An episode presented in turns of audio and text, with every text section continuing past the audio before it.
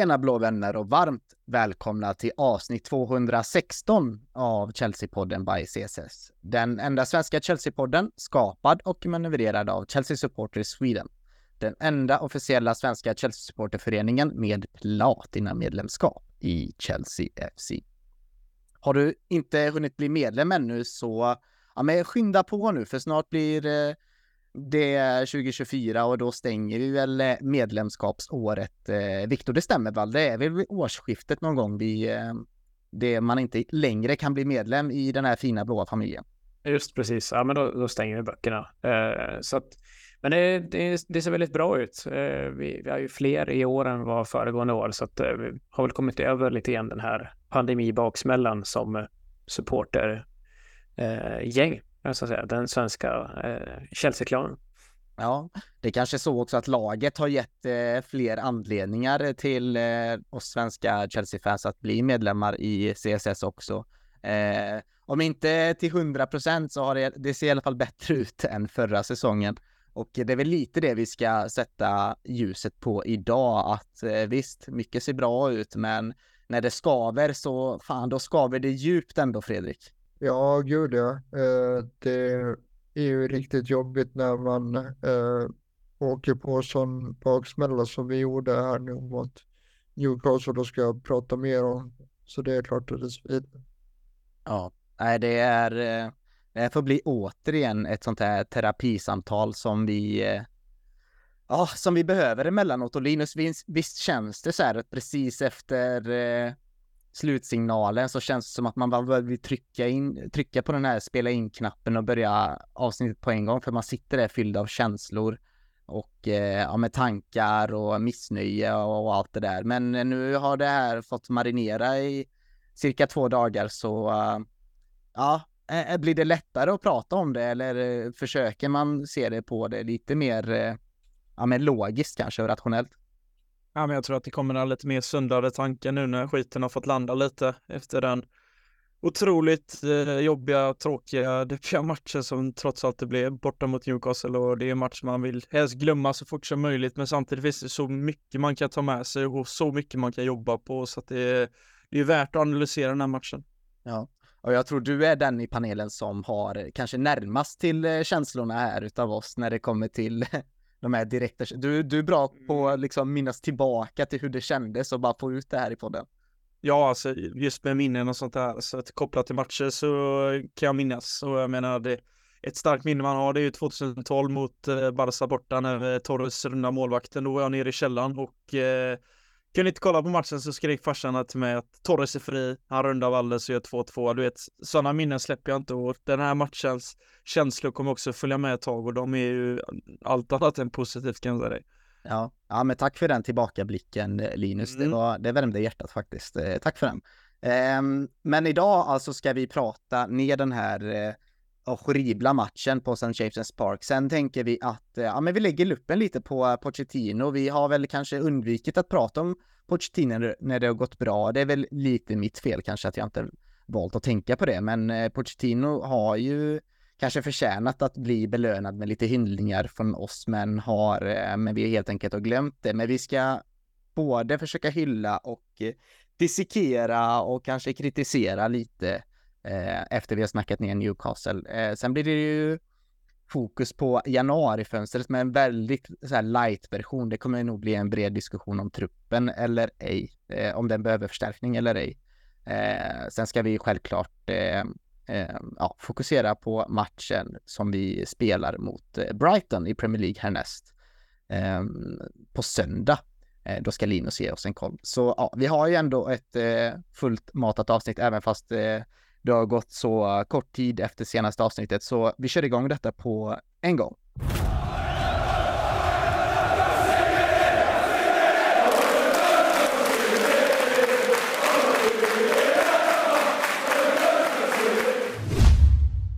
Ja, Viktor, det här eh, är en... Eh, det här var en match som Alltså, oftast brukar man ju säga, det finns ju talesätt, det här vill man ju bara glömma liksom. Alltså, matchen mot Brentford vill man ju bara glömma liksom, men den här matchen blir nog väldigt svår att glömma just för att, precis som Pochettino sa, så är det här kanske den absolut sämsta matchen vi har spelat den här säsongen. Eh, och inte bara det, det är första gången någonsin i Chelseas historia eh, som vi släpper in fyra mål eh, i två Premier League-matcher i rad eh, också. Det är ju, uff, det finns mycket att ta i här. Eh, ja, så är det ju. Och, och eh, resultatet 4-1, eh, det, det, är ju katastrofalt som du säger. Samtidigt så när man kollar tillbaka på matchen, sett den en gång till ändå, utsatt mig för det, så alltså Chelsea går ju upp mot ett, ett starkt Newcastle i, i första halvlek och ja, Raheem Sterlings mål var ju höjdpunkten, men Eh, så dåliga tycker jag inte vi var i, i åtminstone i första halvlek. Men eh, det, det ska ju spelas två halvlekar också innan man är färdig. Ja, och det, det som kanske var på, på förhand var eh, det som vi precis hade pratat om i det avsnittet som släpptes eh, i fredags var det va, den släpptes. Eh, då var vi ändå ganska optimistiska, Linus, på grund av just den här skadesituationen som du fint eh, redogjorde ändå. Eh, liksom att, men nu är det ju liksom chansen.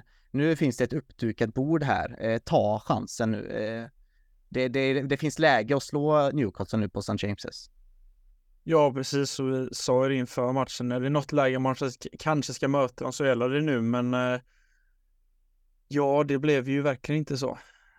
Visst, vi gjorde 1-1 och då kände man att man hade lite den känslan, fan det kan gå, vi kanske kan rätta upp det här spelet, men ja, nej, det blev ju verkligen inte så vi trodde och Temmes hade återigen lite rätt med den här känslan att man inte kanske ska jaga upp sig för mycket, men jag som lever mycket på känslor var ju, ja, jag lär mig, jag är ung och dum och jag lär mig fortfarande och det här var återigen en läxa i livet att ja, man kanske inte ska ha för stora förhoppningar än om det här laget, men eh, det kommer med sin tid tror jag. Ja, life in it. Yep. Eh, som britterna säger. Men eh, ja, Fredrik, du hade ju den här känslan i magen och jag vet att du kanske har den känslan, eller gå in med de förutsättningarna lite som en skyddsmekanism så att du, eh, eller jag känner igen den, eh, den approachen man kan ha till matcher. Men eh, när jag såg startelvan Fredrik, då, uh, det var då någonstans jag fick, eh, eller jag kunde känna mig igen i dina känslor faktiskt, för jag var precis som Linus ganska positiv inför den här matchen. Ja, tänkte du då på Ovichukwu till Ja, ja precis. Ja, du fiskade upp det snabbt ja. Mm. Ja, det i sig var väl inte jätteöverraskande när man känner till förutsättningarna och det var ju att Caicedo har ju varit iväg till Sydamerika och spelat och hade väl, tror jag, en träning i benen så att uh, det låg i förarens riktning att det skulle bli så. Men uh, sen hade ju Oichoko ingen vidare match tyvärr så att det, uh, ja, det var en gamble som, som inte, inte betalade av sig.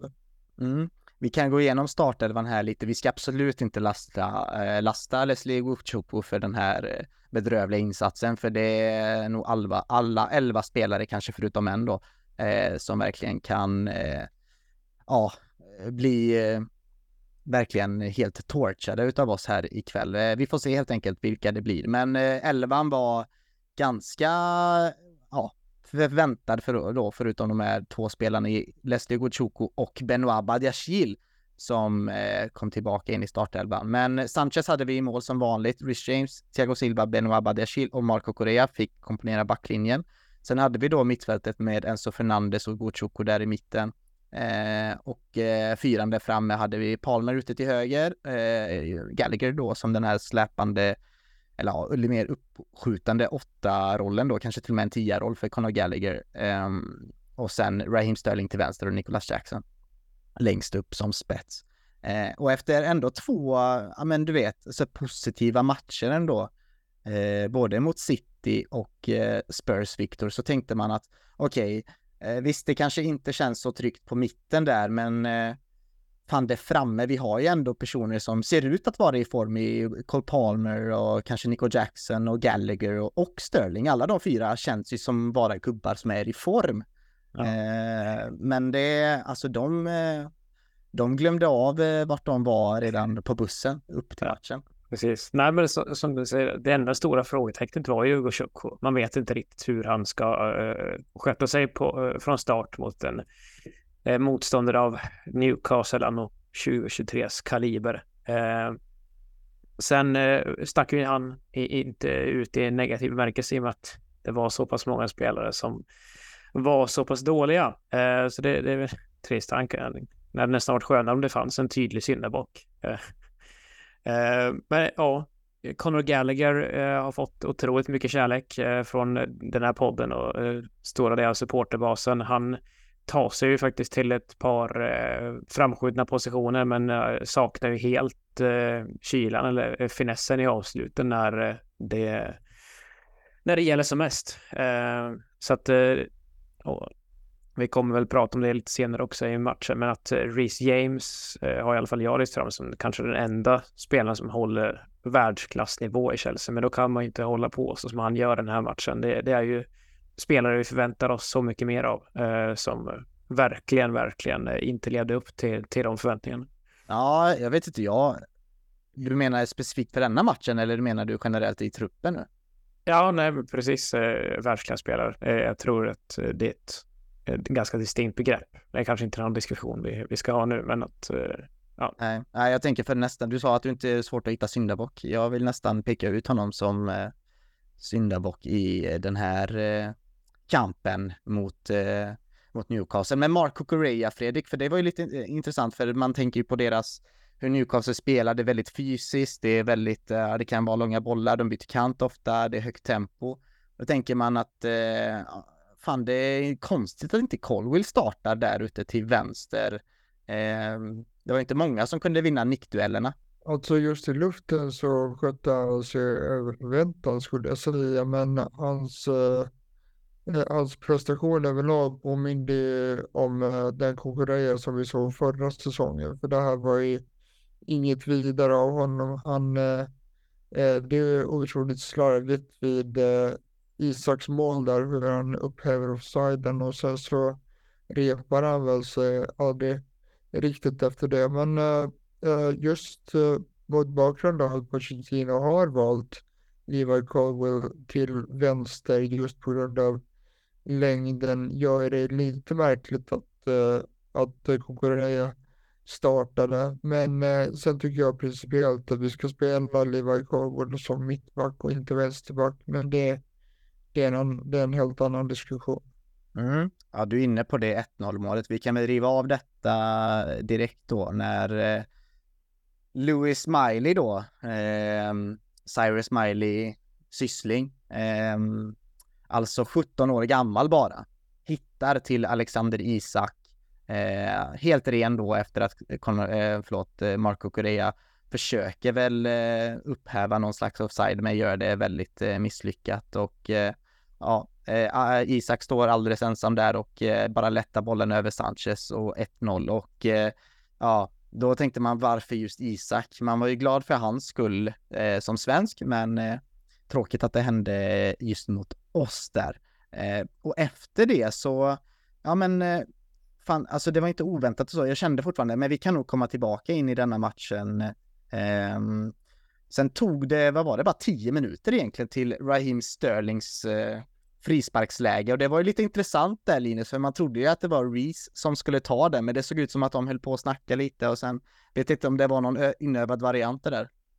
Nej, men det kändes ju som att Sterling återigen var ganska het och ville ändå göra aktioner som han tydde på någon slags ja, men, vilja i den här matchen och då tyckte jag ändå var helt rätt att han fick kliva fram för andra halvlek så fick ju Reece James ta en frispark i ett bra läge och det var ingen direkt kvalitet och den frisparken Sterling gör är ju, ja den är riktigt fin att se. Alltså. Jag trodde inte han hade i sig att kunna sätta frisparksmål på det sättet, men det var riktigt kyligt och Pope kunde bara kolla när bollen seglade in så det var en härlig känsla.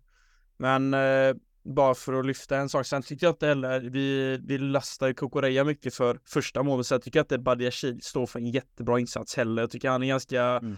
en hel del positionsmissar och de två tillsammans var ju ingen trygghet.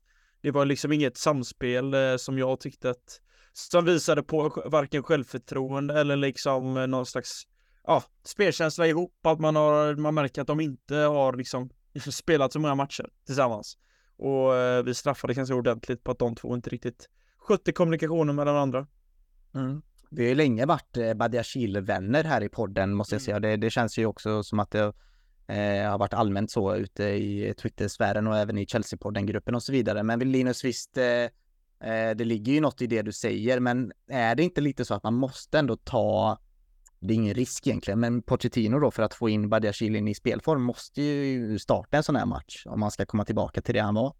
Men så är det absolut. Sen hade jag personligen hade inte jag valt han mot just Newcastle på St. James' Park, att det liksom är den första Premier League-matchen man ska starta. Visst, hade, slu, hade vi vunnit så hade man kanske suttit där och hyllat honom, men nu är det inte det utgångsläget. Kanske jag hade safeat lite då, som man gjort tidigare under säsongen. Spelat med, ja, inte Badiashile helt enkelt. Sen är det ju frågan om hur vi skulle ställt upp på ett bättre sätt. Det är ju lätt att sitta här efteråt, men jag tycker att det kanske var fel läge faktiskt att starta i den här matchen. Men eh, det är bara min personliga åsikt. Det var han och Ogo och jag var lite tveksam till efter matchen, eller före matchen och jag är definitivt inte mycket säkrare efter. Ja. Så att Det är, står det är faktiskt fast för det. det är ju ett val ändå som Pochettino gör. Han har Disasi och Colwell Ja. på bänken. Eh, och nu verkar ju han ha Eh, större mått av förtroende för Marco Correa än eh, vad många supportrar har. Alltså att han ser nog kanske inte det problemet att ha två eller åtminstone en så pass svajig försvarare bredvid den som precis kommit tillbaka från, från skada. Men jag håller med Linus om att den kombinationen, att de är grannar i försvarslinjen, det, det fick ju konsekvenser. Ja. Vad blir resultatet av detta då, tror du, Viktor? Tror du att vi kommer få se den här, den här eh, cocktailen och mer?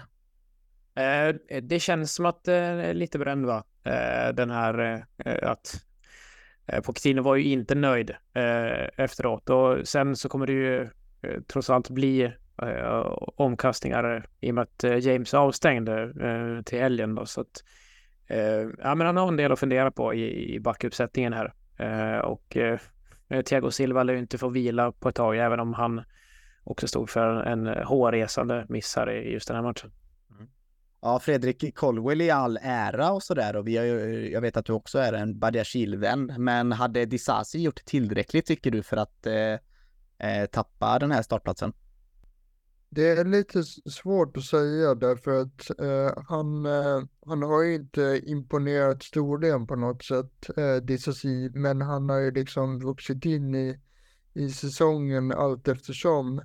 Men eh, jag förstår dilemmat också, för man, man vill ju ha eh, tillbaka Badiashile i, i matchform och sådär, och någon match så måste han starta, så Eh, Med facit i hand så, så blev det inte bra, men det är väl lätt att vara efterklok. Eh, Så jag har väl inte så mycket problem med den uttagningen heller.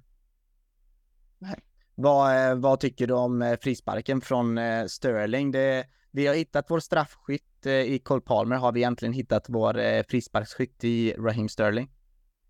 Ja, så det. Eh, han, han har inte gjort sig känd för någon eh, stor eh, frisparksläggare, men eh, det här var en rent otrolig frispark. Eh, det var precis som eh, Strömblad sa, att det var Jorginho-klass på den, för den Jaha. Det satt ju precis där den skulle. Eh, så varför inte låta honom ta lite fler frisparkar framöver?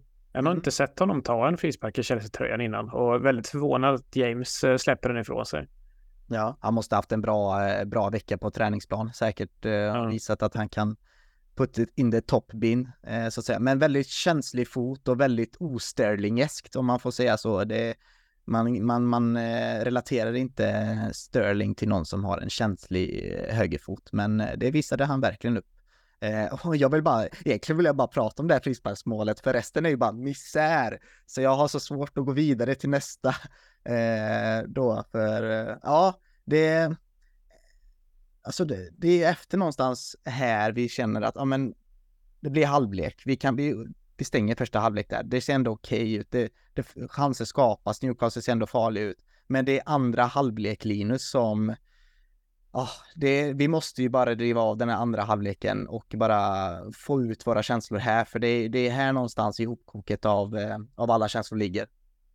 Ja, och det är lite det som summerar vart vi står just nu, att vi, vi håller liksom inte eh, när det väl gäller. Alltså, det är ju där, vi, vi är inte på den nivån att vi just nu att vi ska vara i topp i topp 6, topp 7 i Premier League, för där är vi ju inte. Alltså vi klarar inte riktigt av att när det väl i stunden sätta när det väl gäller att nu gäller det att steppa upp och ta viktiga poäng.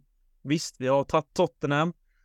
det var en del röda kort. Vi gjorde 4-4 mot City, men så kommer den här plattmatchen igen. Det blir ofta så när vi kommer i någon slags formtopp under säsongen så kommer ett igen som gör att vi känns som att vi går fem steg bakåt och det är ja. ytterligare en match som jag känner att ja, det är så mycket frågor efter den att man känner vad, vad har vi gjort egentligen hittills under säsongen? Alltså det blir ju som de här fina matcherna vi gör innan blir som bortblåsta för de här matcherna som är dåliga, då är vi fan riktigt jävla dåliga.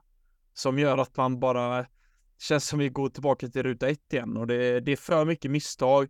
Liksom, han älskar Silva men så får han göra det där himla fadäsmisstaget. Det är ett rött kort som är dumt av en lagkapten som ska vara liksom ja, fanbäraren och visa på liksom juniorgrejer som man bara inte ska se på den här nivån som gör att ja, där är matchen över liksom. Där har vi inte någon chans att komma tillbaka. Så det är, det är mycket saker vi kan ta med i andra liksom exempel på hur du inte ska göra.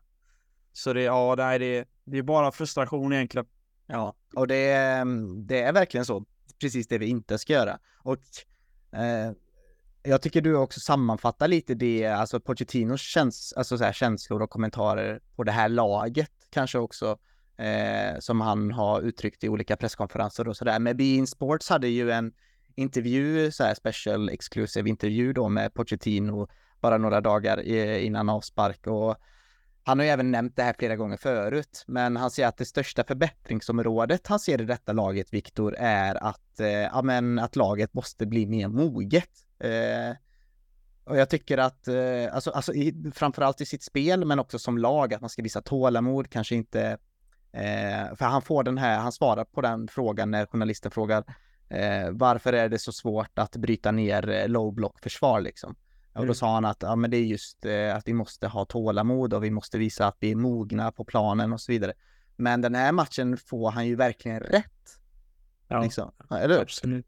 Och, och där var ju matchen innan landslagsuppehållet mot Manchester City var ett sånt kvitto på att ja, men vi, vi kanske är på väg någonstans liksom mentalitetsmässigt. Att vi hämtar upp tre underlägen i, i den matchen medan väldigt många gånger med den här upplagan av Chelsea så är det ju att man börjar eh, eh hänga med huvudet eh, om vi släpper in det första målet. Att eh, nu blir det tufft alltså. Och det, det, är väl sant för vilken fotbollsmatch som helst att det första målet är viktigt. Men eh, det, det, man har ju aldrig riktigt haft det här eh, tilliten till Chelsea att man ska rycka upp sig och, och faktiskt eh, vända ett underläge när det väl kommer. Ja, och jag vill bara fylla i, alltså rent när vi pratar om laget och rent hur jag tänker kring allt och lite hänvisa till John Obi Wikells podd och där han lyfte liksom att på hans tid så, alltså det var ju krig på träningsplanen. Det var ju knappt att eh, de var vänner liksom, men när de väl gick av planen då, då var det som ingenting har hänt. Men det bestod ett lag av flera spelare som var lagkaptener för sina landslag. Och det var sådana jädra karaktärer.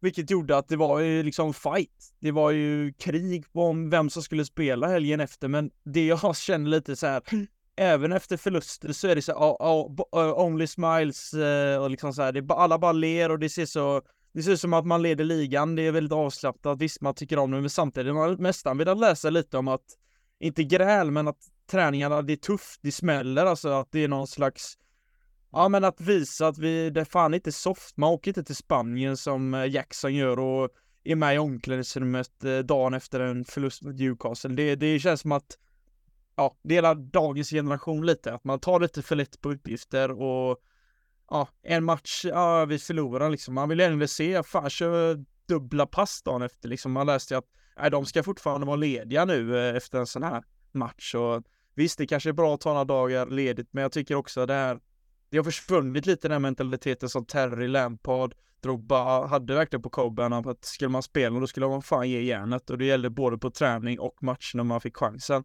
Så det, den mentaliteten måste nog eh, på något sätt återuppskapas men jag vet inte fasen vem eller hur det ska göras. Ja, alltså när du drar upp Mikael så tänker jag också lite grann på eh, Arsene Wenger alltså, som alltid fick den kritiken att du, du kan inte vinna med kids. Eh, och vi har ju ett väldigt ungt lag och Arsenal är väl eh, tätt bakom oss där i eh, lägsta eh, ålderssnittet, de och Burnley. Eh, men de har ju ändå liksom är, är ju före oss i sin process såklart, men eh, kanske att det har varit lite annan struktur på laget, att eh, det, det måste vara eh, spelare med, med, något eh, fler, kanske då, eh, seniorsäsonger i bagaget, att man har varit med liksom i de allra största matcherna. Eh, så, som är de här eh, som ställer krav på träningarna, eh, som inte låter den här standarden falla. Eh, nu vet vi inte säkert att, att så är fallet. Eh, Pochettino kanske hade en jättebra träningsvecka eller träningsdagar rättare sagt i och med att de kommer tillbaka från, från landslagsuppehållet innan Newcastle, att han hade en god känsla. Eh, men ja, nej, man, eh, man börjar ju ställa frågor, så är det ju. Ja, och bara för att fortsätta på det du säger just om Arsenal där, liksom det hade vi den processen de är igång nu, det var ju den vi startade egentligen med Lampard, när vi inte fick värva någonting. Då var det att vi lyfte upp och gav de här chanserna till Mount, vi Tame Abraham, Tomori, hela det gänget, för det är ju de spelarna som Saka och de har ju kommit dit idag tack vare de här otroligt många matcherna har fått spela. Han har ju spelat väldigt mycket för Arsenal och Martinelli, de har ju fått chans på chans, men det som hände med Lampard var också att säsongen efter så köpte vi ännu mer, vilket gjorde att de här spelarna successivt försvann ju ur klubben. Sam Abraham fick inte riktigt plats, han var inte nöjd, han försvann.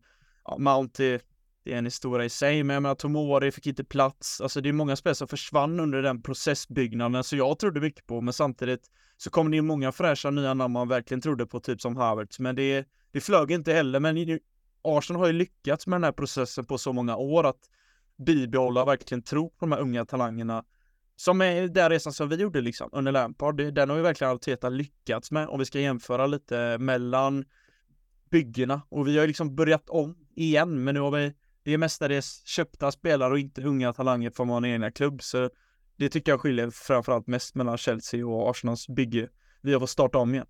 Ja, och, och, och sen är det ju också, jag tycker du gör intressanta poäng Linus, men det är Eh, och det är ju också fortfarande, alltså det, det är ju ett annat strålkastarljus på Chelsea också med alla de här pengarna spenderade och jag menar om Arsenal gjorde en plump eller något, eh, fick något så här freak-resultat mot sig så var det inte riktigt samma rubriker eh, heller, utan det fanns ju en förståelse för, för detta. Vi har ju helt andra förväntningar på, på, på klubben och det har ju inte bara vi som supportrar, men det känns som att hela eh, fotbollsvärlden har ju det också. Så det sätter ju även, alltså jag tror strålkastarljuset också sätter en helt annan press på eh, Pochettino och Graham Potter då, eller Lampard eller vem det nu kan vara, än vad det gör på Arteta. Man kan säga, ja men klubben, kolla de visar, de visar tålamod eh, med Arteta och allting, men det är en helt annan situation och visst, det går att jämföra dem för det är två Premier League-klubbar eh, som eh, slåss om toppen, men ja, lite annorlunda filosofi och eh, kanske kultur då, eh, framför allt då. Och förväntansbild då framför allt. Men inne på det på Pochettino, han säger alltså efter matchen, We didn't read the game well from the beginning and didn't play the, uh, the way we should play. We played with a lack of energy and intensity. It, was it was our worst performance of the season. eh, Fredrik, det här är ju, nu, nu skiter vi nästan att gå igenom alla de här andra händelserna, för det är ju mycket mer intressant att prata om detta. Men eh, ja, det, han var fan inte glad alltså efter matchen och det var ju snack om att de skulle upp på träning dagen efter eh, och ja, lite konsekvenser efter detta. Ja, det var det han sa att eh, det normala i ett sånt här läge är att man eh, eh, går tillbaka till hotellet och sen tränar riktigt hårt dagen efter. Men eh, vi har ju sett eh, sen att det inte blev så, utan eh, eh, spelarna fick inte bara en ledig dag, utan två lediga dagar som det blev nu. Eh, och eh, det kablades ut bilder på bland annat X igår då, eh, det som Linus pratade om att eh, Nicholas Jackson var helt plötsligt i Villarreals omklädningsrum och eh, firade en seger där tillsammans med med dem, eh, vilket ju känns eh, väldigt konstigt och något som man inte ska göra efter en sån här platt match. Jag skulle också vilja återknyta till den här diskussionen om mentalitet och karaktär och det känns ju som att eh, gamla gardet hade inte tillåtit något sånt här. Alltså en sån platt match överhuvudtaget. För visst, vi, vi, har, vi har några spelare som leder genom sina prestationer på planen. Jag tänker framförallt på Rhys James och Thiago Silva och Conor Gallagher.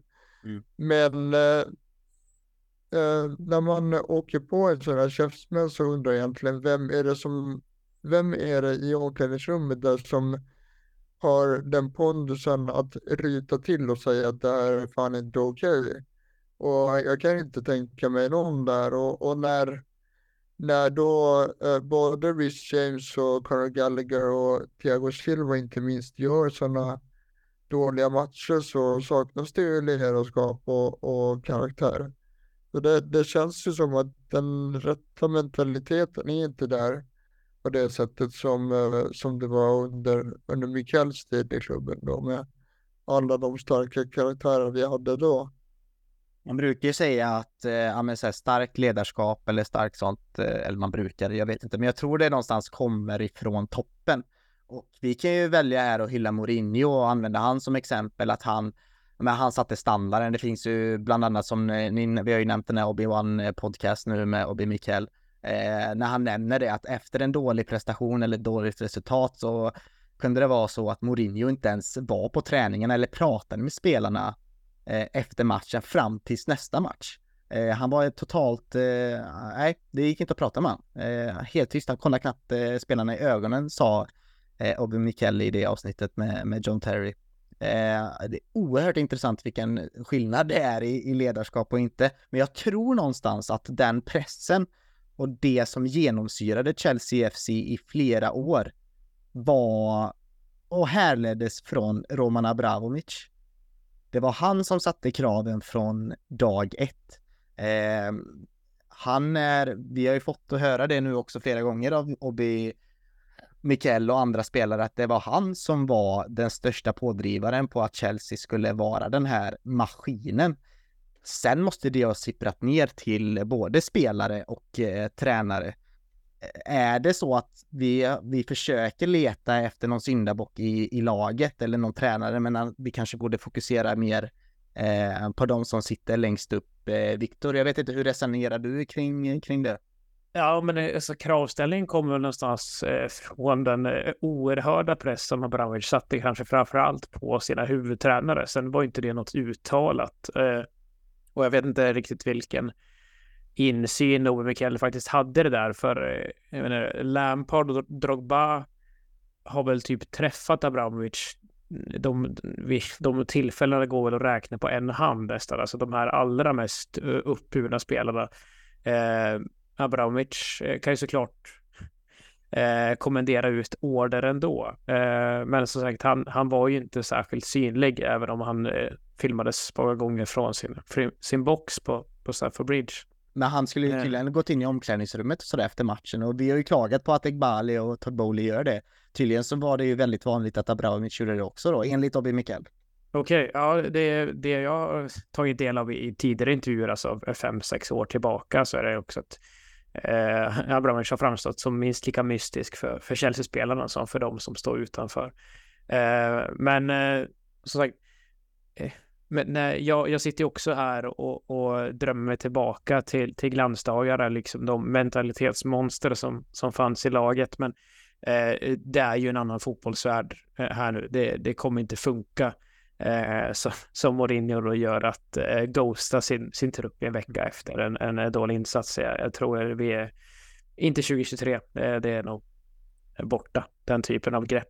Mm. Fredrik, du som har eh, fått se olika generationer av eh, denna, ja, detta, denna klubb och detta lag. Eh, hur ser du på situationen? Är det, eller är vi alldeles för hårda på att lägga pressen på spelare eller tycker du att det är rimligt att det är spelarna själva som ska sätta standarden? Eller vad tycker du det borde, vad borde vara källan till, eh, till ansvarsställningen eh, liksom?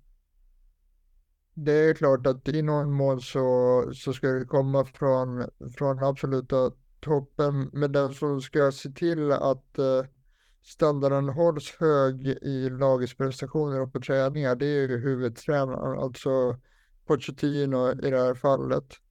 Och eh, man, eh, man ser att han försöker förändra den kulturen på något sätt och det, det var väldigt uppfriskande att han gick ut på presskonferensen och var så här hård mot sina spelare.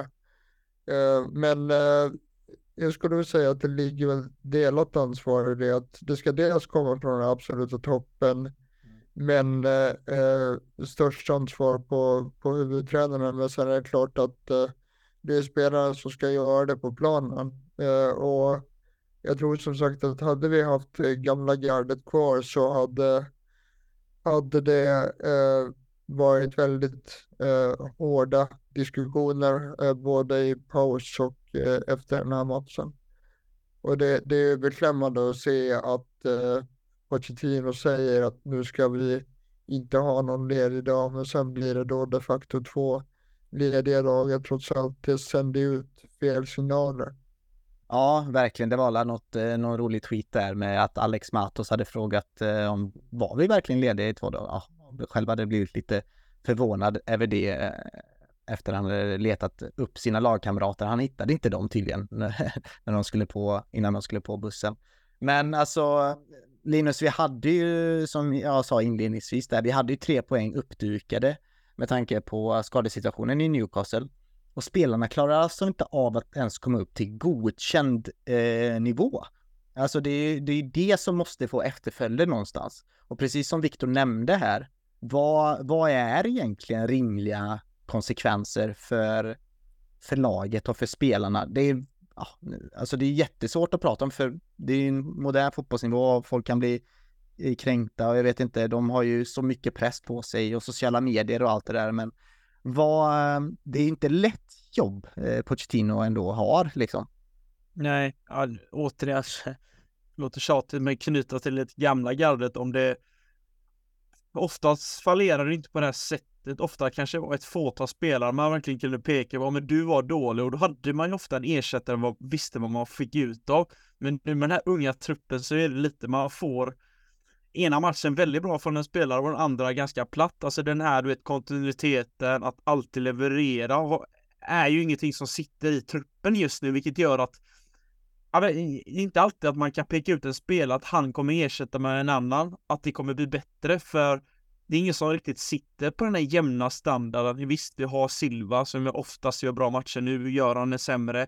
Rich James brukar göra, men det är ett fåtal spelare jag känner verkligen som du vet håller nivån för varje match, vilket gör att det blir lite svårare också att ja, vem ska vi byta ut honom mot om han gör en dålig match? För det är inte garanti att han som kommer in gör ett bättre jobb.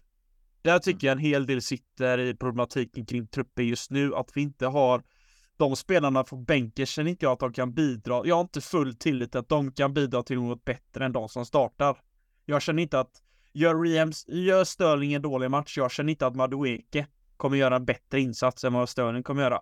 Och samma med Mydrik. Det är en spännande ung spelare, men jag känner inte den tilliten till honom att han, han kommer in och vänder på den här matchen.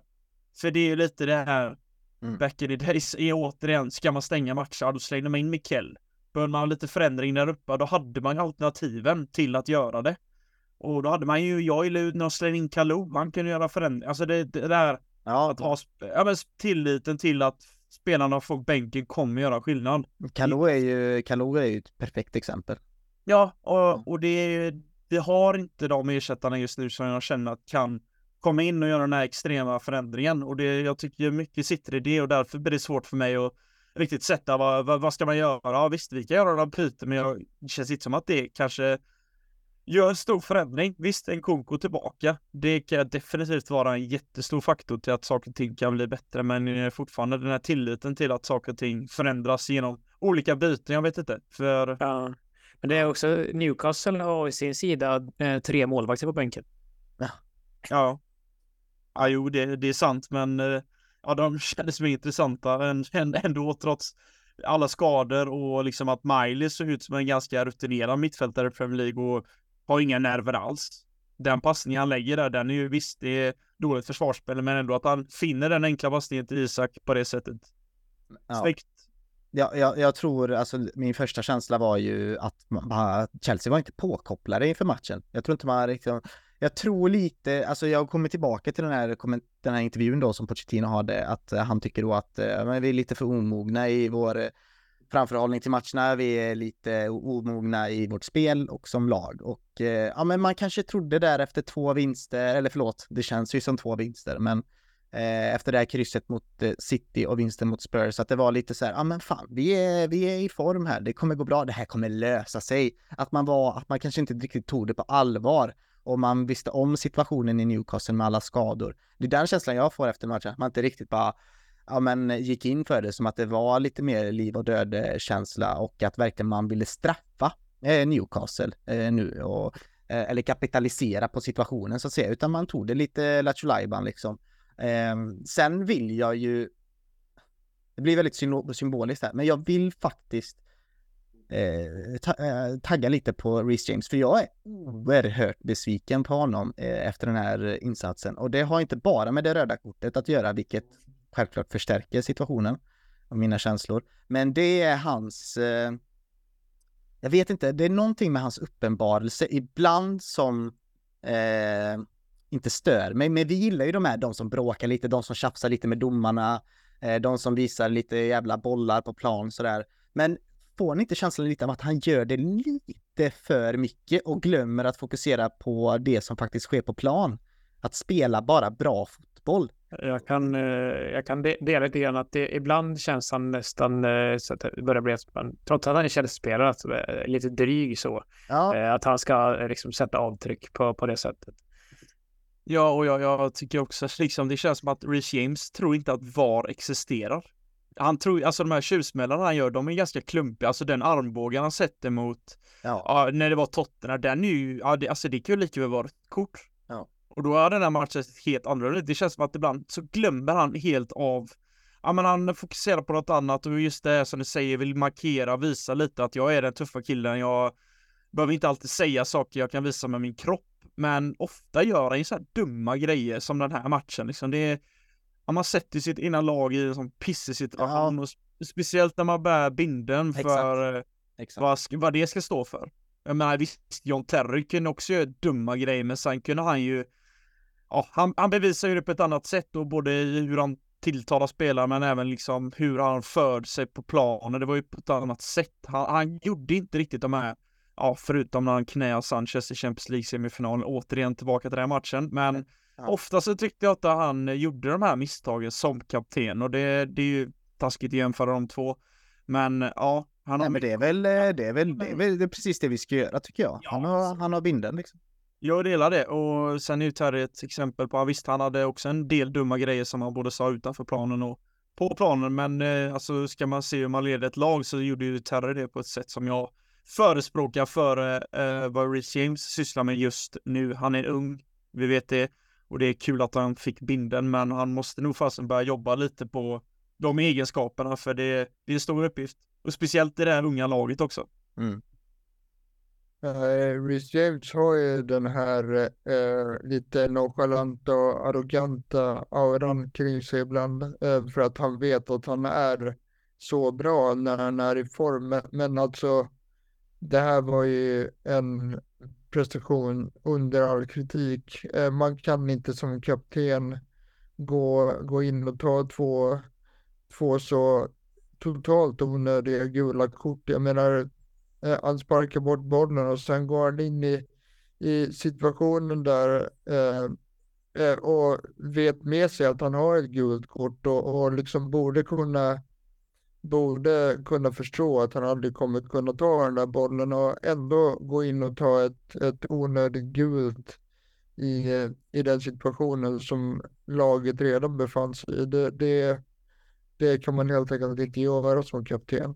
Nej, det är hög tid för Rich James att eh, bli lite mer ödmjuk tycker jag, för när han ska hålla på och tuppa sig och hävda sig så ja, det blir aningen fånigt ibland, även fast man eh, på stunden så gillar man det bara yeah, tell them, come on, yeah, du vet. Men eh, ja, nu i efterhand så känns det lite eh, patetiskt då när man eh, vet också utfallet utav det.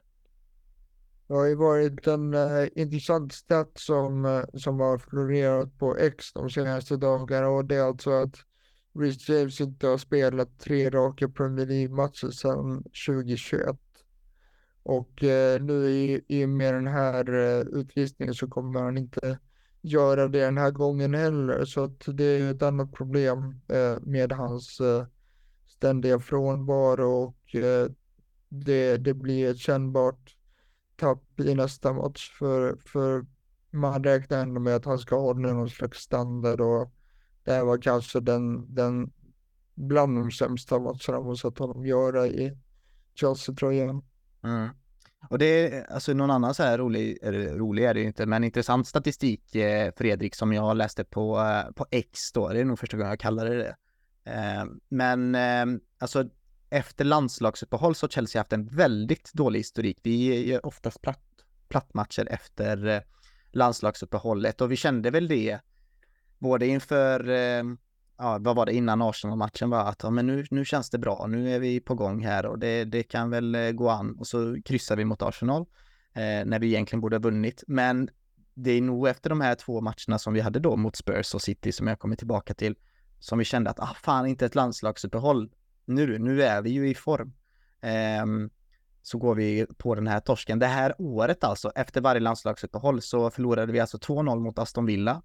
Eh, sen kryssade vi mot Bournemouth Eh, sen 2-2 mot Arsenal och eh, 4-1 då förlorar vi mot Newcastle. Så nej, eh, Viktor, eh, landslagsuppehåll är ingenting för oss. Nej, precis. Och det är väldigt tydlig statistik från, från det här kalenderåret som du räknar upp Patrik. Och, men det är ju också en gammal eh, Chelsea-sanning att eh, vi, vi är svaga första matchen efter landslagsuppehållet. Det känns som hela mitt supporterskap så har det varit någonting som man har eh, rabblat eh, och sen nu, nu har det sett bra ut eh, delar av den här månaden men remember, remember, we're shit in November är också ett sånt mantra som, mm. som har eh, sagts eh, runt omkring eh, Stamford Bridge så att eh, ja, det är så här jag, jag, jag, var optimistisk inför den här matchen, men det, det känns tryggt någonstans att kunna luta sig tillbaka det, mot sådana slogans.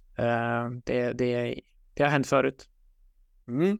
Men eh, ska vi, ni har ju nämnt det här med Jackson nu några gånger och jag har väl undvikit det lite, men det är väl kanske dags att riva av detta då. Har vi, alltså så här, nu var han, han markerar ju väldigt tydligt på presskonferensen att ah, det är upp, upp och hoppa imorgon och träning imorgon bitti och eh, nu ska det krävas eh, ansvar här och vi måste ta de här konsekvenserna och väldigt förbannad men å ena sekunden, precis som ni varit inne på, ger eh, spelarna ledigt. Eh, har vi rätt att bli arga då för att spelarna fick ledigt dagen efter eh, matchen? Nu blir det ju två dagar då.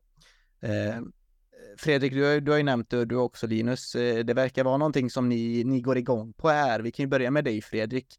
Eh, är det verkligen så viktigt, tycker du? Att det är liksom upp och hoppa och piskan på?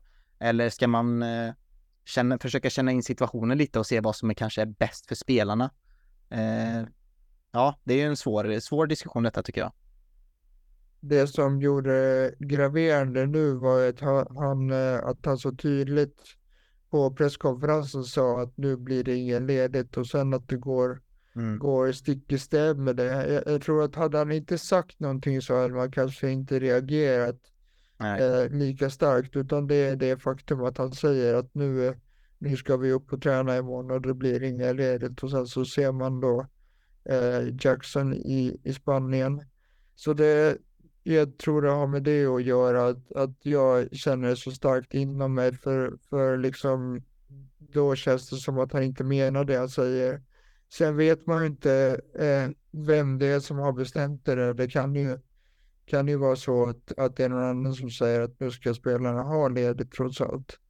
Eh, men eh, nej, det, det satte honom i, i väldigt dålig dager och jag tycker att det, det är oprofessionellt av, av, Jackson också. Jag kommer ihåg att jag blev förbannad över det eh, förra säsongen också när Aubameyang var och firade i Barcas omklädningsrum ja.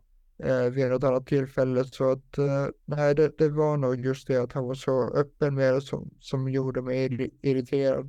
Mm. Det var nog så att han var jävligt irriterad också tror jag och bara sa saker i affekt. Eh, möjligtvis han kanske inte hade alla hästar hemma då under den presskonferensen utan var, ja, det är så man att han uppenbart var väldigt eh, frustrerad.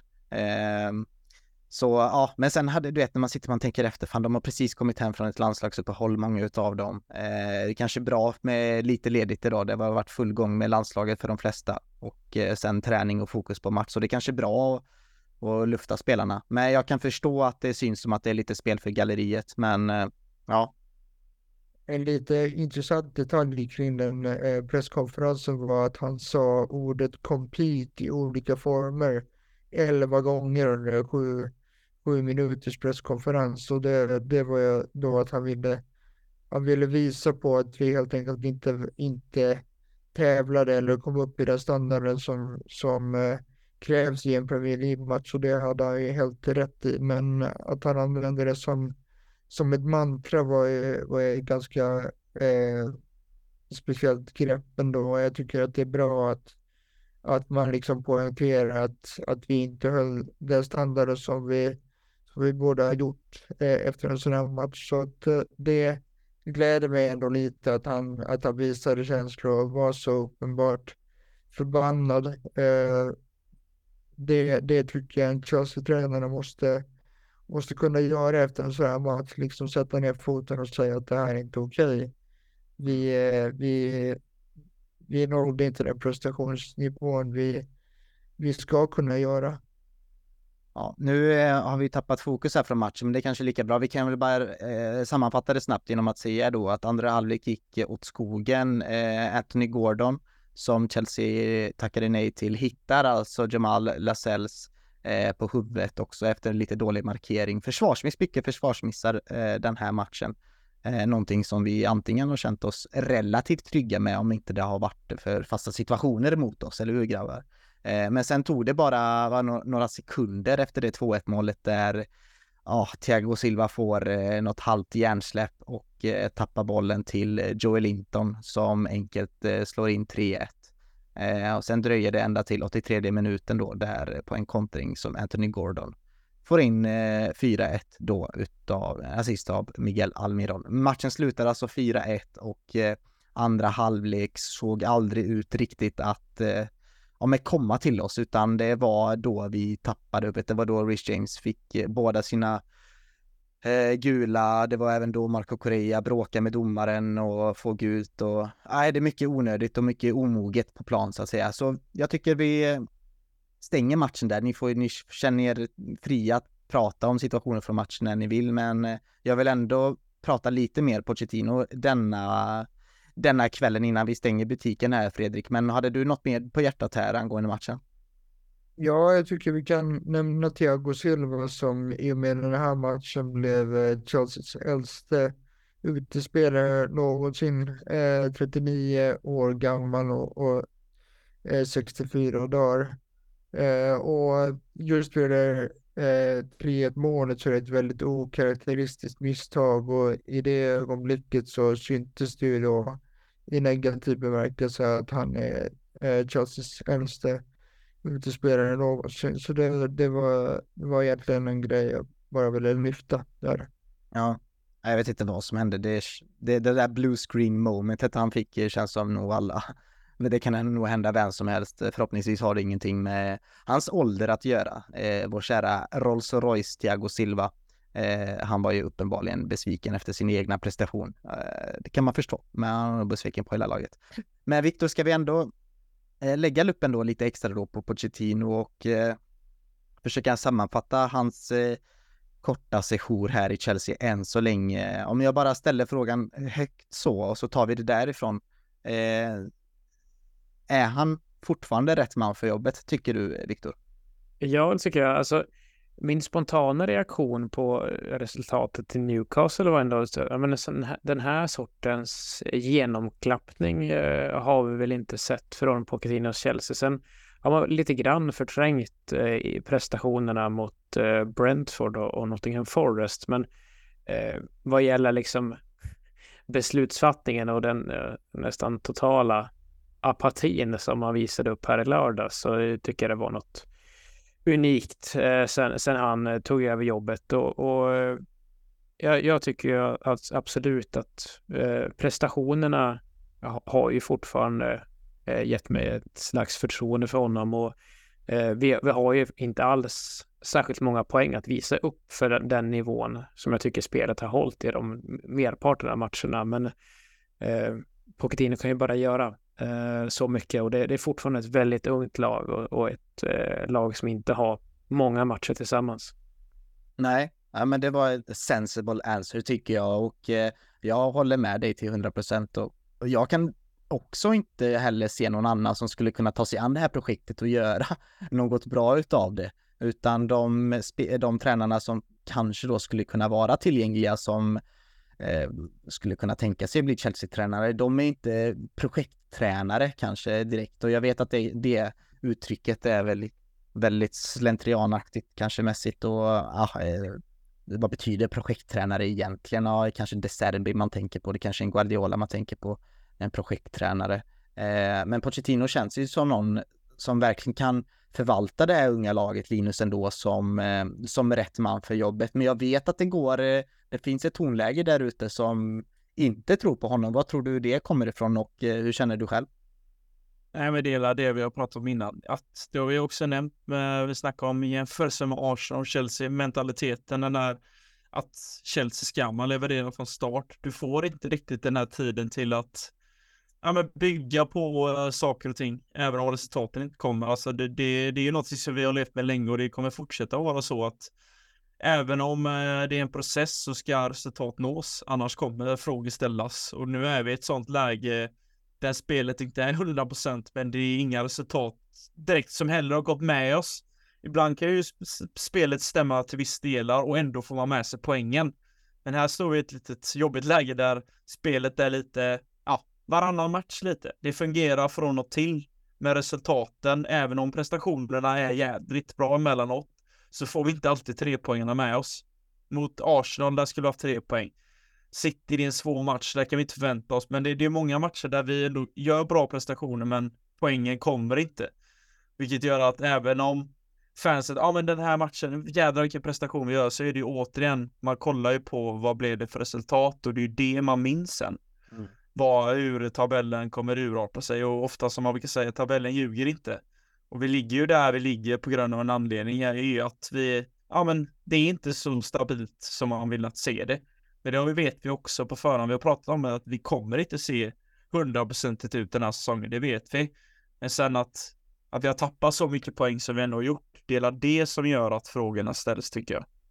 Ja, okej. Okay. Mm. Ja, för jag menar, hade vi tagit tre poängen mot Brentford, Nottingham Forest, hade vi tagit poäng mot Villa också hemma, då hade vi ju helt plötsligt varit lite längre upp i tabellen ja, och varit vi, bo där. vi borde ju slått Arsenal och City. Ja, ja, ja, men exakt, och då hade vi ju varit där uppe. Och då hade vi ändå kunnat sitta här, ja fan, vi har inlett säsongen ändå helt godkänt, saker och ting ser spännande ut. Det är inte hundraprocentigt, men vi är ändå med där uppe. Men nu är vi ju i skiktet där vi är som förra året, rent pass, eh, tabellmässigt. Vissa saker och ting ser bättre ut, men delar där det problemet ligger framförallt.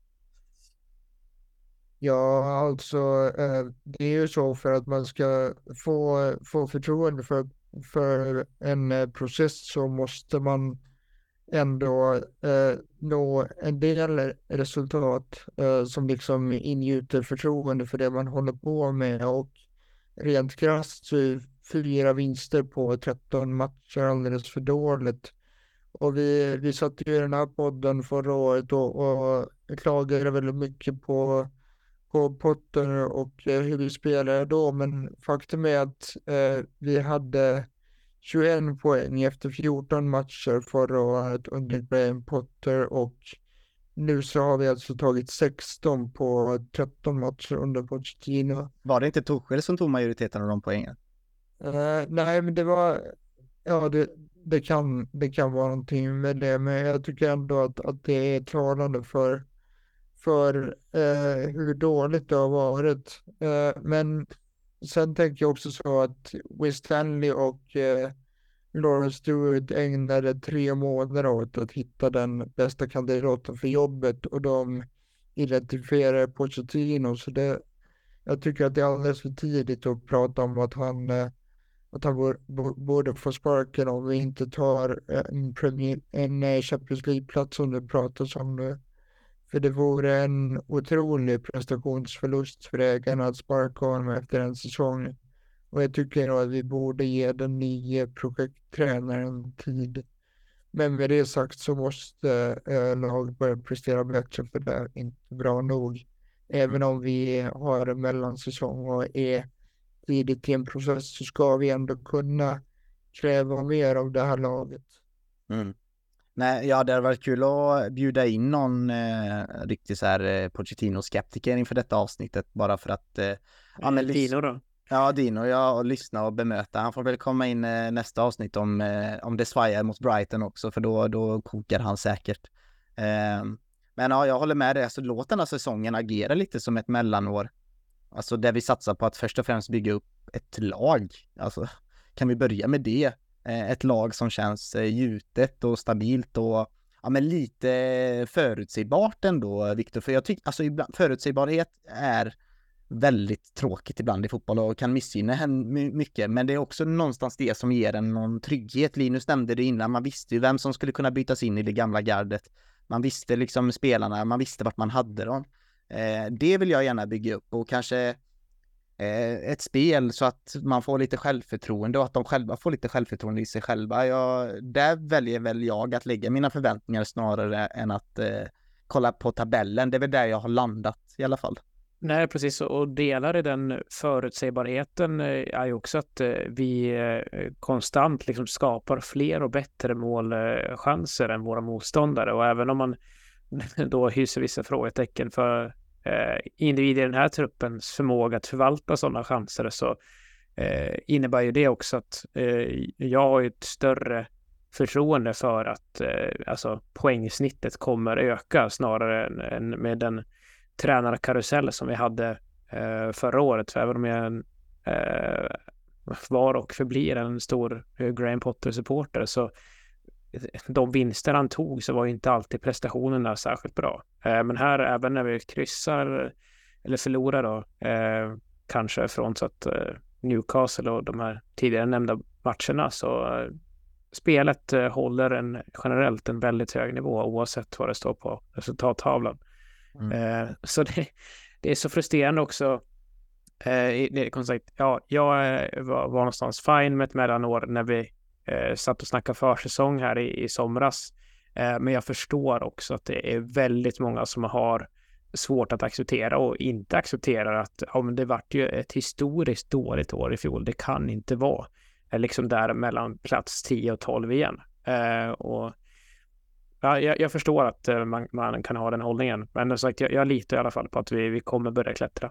Mm. Ja, det är mycket som pekar på att vi inte kommer vara så dåliga, för precis som du inne var, eh, var inne på Viktor, så var det, såg ju spelet hemskt ut eh, förra året och inte resultaten. Nu ser ju spelet faktiskt bättre ut och det, man ser att det finns en idé och en vision med laget eh, i alla fall, även fast eh, saker och ting tar tid ehm, så finns det i alla fall någonting där. Så det är väl det som gör att jag fortfarande är all in på Pochettino och det ska nog krävas något extremt för att jag ska börja titta på andra tränare. Jag tycker att han är rätt man på rätt plats vid rätt tillfälle. Eh, eh, faktiskt, om jag får säga så. Det är min hållning i alla fall. Eh, så får ni som lyssnar kanske tycka annorlunda eller så, men kommentera gärna era åsikter och era tankar kring Pochettino som tränare på projektet och om han är rätt man för jobbet eller inte i kommentarsfältet på vår Facebookgrupp då som heter Chelsea-podden by CSS. Ni är också välkomna in i Discord-värmen där. Jag kommer ju länka alla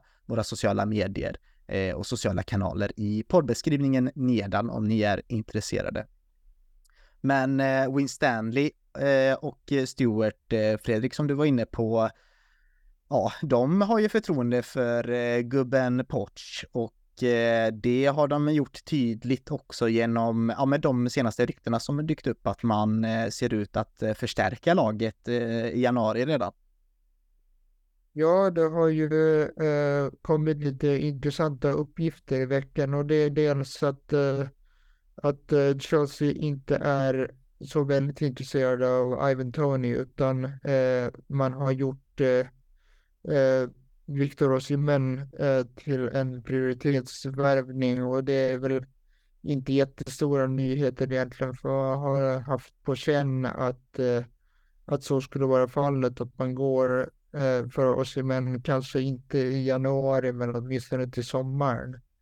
Eh, sen så har, har det också dykt upp eh, uppgifter från eh, Fabrizio Romano idag att man, eh, man siktar på att göra två, tre värvningar i januari eh, för att eh, eh för att förstärka truppen och ge eh, Poch lite större alternativ och det sägs också att man är måna om att inte inte värva in allt för många spelare för att för att sätta Poch i samma situation som, eh, som Graham Potter var i att, eh, Ja, att eh, truppen är eh, alldeles för stor.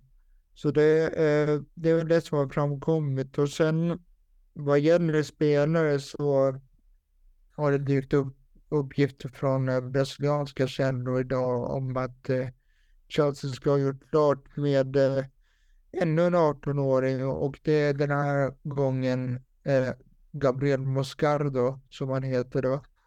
Eh, från eh, brasilianska eh, Corinthians och han jag kan inte påstå att jag ser eh, brasiliansk fotboll varje vecka men jag har förstått att eh, det är en ganska spelskicklig defensiv mittfältare som påminner ganska mycket om, om eh, Romeo Navia. Men eh, det här, eh, det, det verkar onekligen vara så att vi plockar in den här yng- ynglingen. Sen får vi se vilka två, tre spelare det kan röra sig om i januari. Mm. Alltså fan, jag börjar känna av att eh, med hela det här, allt du, du sa precis fick mig att bara, "Aj, det ser ut som att Gallagher kommer säljas. Det känns så. Det, man vill eh, fixa böckerna, man vill, eh, man köper på positioner eh, där vi har uppbackning. Nej, det känns inte eh, bra det här. Och så får vi inte glömma av att vi har Andrei Santos där som är på ett misslyckat lån i Nottingham Forest. De också förmodligen kommer bli tillbakakallad i januari. Det ska bli intressant att se vad som händer med honom med, men vi kommer ju ha folk där. Och att vi dessutom har svårt, liksom. Vi, vi fyller ju våra eh, åtta utom eh, br- brittiska lån väldigt fort. Alltså, Ja, eh, och har inte gått skitbra för Moreira till exempel. Eh, något bättre för, för Angelo Borges, men eh, eh, ja, nej, det, det känns, eh, jag, jag får också lite taskig känsla även om eh, eh, Moscardo i sig inte kommer vara den som, som tar Gallagers plats, men att snarare att andra kanske då eh, flyttas upp i hierar- hierarkin. Det har kommit lite uppgifter kring just eh, försäljningarna också och eh, det var Fabri Fabrizio Romano som sa det idag också då att den enda som definitivt är på transferlistan eh, inför januari är ju eh, Trevor Chalobah Mhm. och eh, under den gångna veckan så har det varit lite uppgifter också om att Milan har tittat på Badiashil och eh, eventuellt skulle låna honom i januari, men det har också skjutits ner och, och det sägs att eh, man inte alls eh, är inne på det spåret. Men eh, onekligen så känns det i alla fall som att vi mister Trevor Chaloba. vilket jag tycker är synd, men i och med värvningen av, av eh, av eh, Disasi så finns det tyvärr helt enkelt inte plats för honom. Så vi, vi får se vilka försäljningar det blir eh, i januari-fönstret också. Men, men eh, det verkar som sagt inte ligga någonting i de här Badesil-ryktena i alla fall. Eh, för jag hade tyckt att det hade varit helt uppåt väggarna om vi ens hade funderat på det. Mm. För eh, han är ju en spelare som är här för att stanna känner jag i alla fall. Så försäljningar eh, ser det ut att bli spelar in, lär det bli enligt rapporterna då, precis som eh, Fredrik eh, sammanställde här. Ehm, jag vill bjuda in Linus till eh, den här diskussionen också, men innan jag gör det så vill jag bara kolla med dig Viktor här, för jag tror kanske att du kanske känner likadant som mig här, men visst hade det varit skönt med liksom ett, så ett, ett transferband till nu i, i typ två fönster. Så att vi bara kan sätta den här truppen och bara så får Pochettino använda de verktygen han har.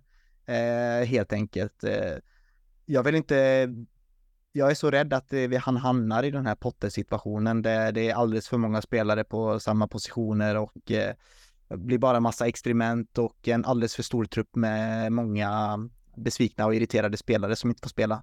Nej, precis. Och, och han transferban, alltså, eh, jag vet att du det är lite grann hårdare, men vi har ju samtidigt spe, värvat spelare för fyra, fem fönster för de senaste Ja. eh, två, så att eh, två, tre i alla fall. Eh, så att eh, ja, det hade väl inte varit ologiskt att se liksom vart den här gruppen eh, kan ta vägen. Eh, för det, det, är väldigt många spelare som, ja, alla har inte spelat så pass många minuter. Det känns som att man vet vart man har dem. Men också det, om vi pratar specifikt med Gallagher så är det ju det som får upp hoppet lite grann är väl eh, just det faktum att eh, Pochettino har ju gjort honom oumbärlig. Alltså eh, det vore ju nästan en krigsförklaring mot honom från, från ledningen om man skulle eh, sälja iväg Gallagher. Eh, det, det ska väl vara att man plockar in Bellingham istället om man eh, skulle vara fortsätta smila på läpparna. Ja, Linus, hur, hur går dina tankar kring, kring allt du har lyssnat på? Ja, jag är ganska mätt.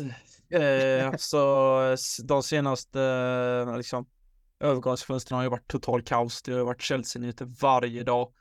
Jag blir alltså, jag har blivit så jädra trött av all media tjat kring Chelsea, kring vilka spelare som ska in och ut. Eh, förra, men i somras så tyckte jag det var väldigt skönt att läsa om alla som skulle ut, att det skulle rensas. Men sen var det 25 namn som skulle in också.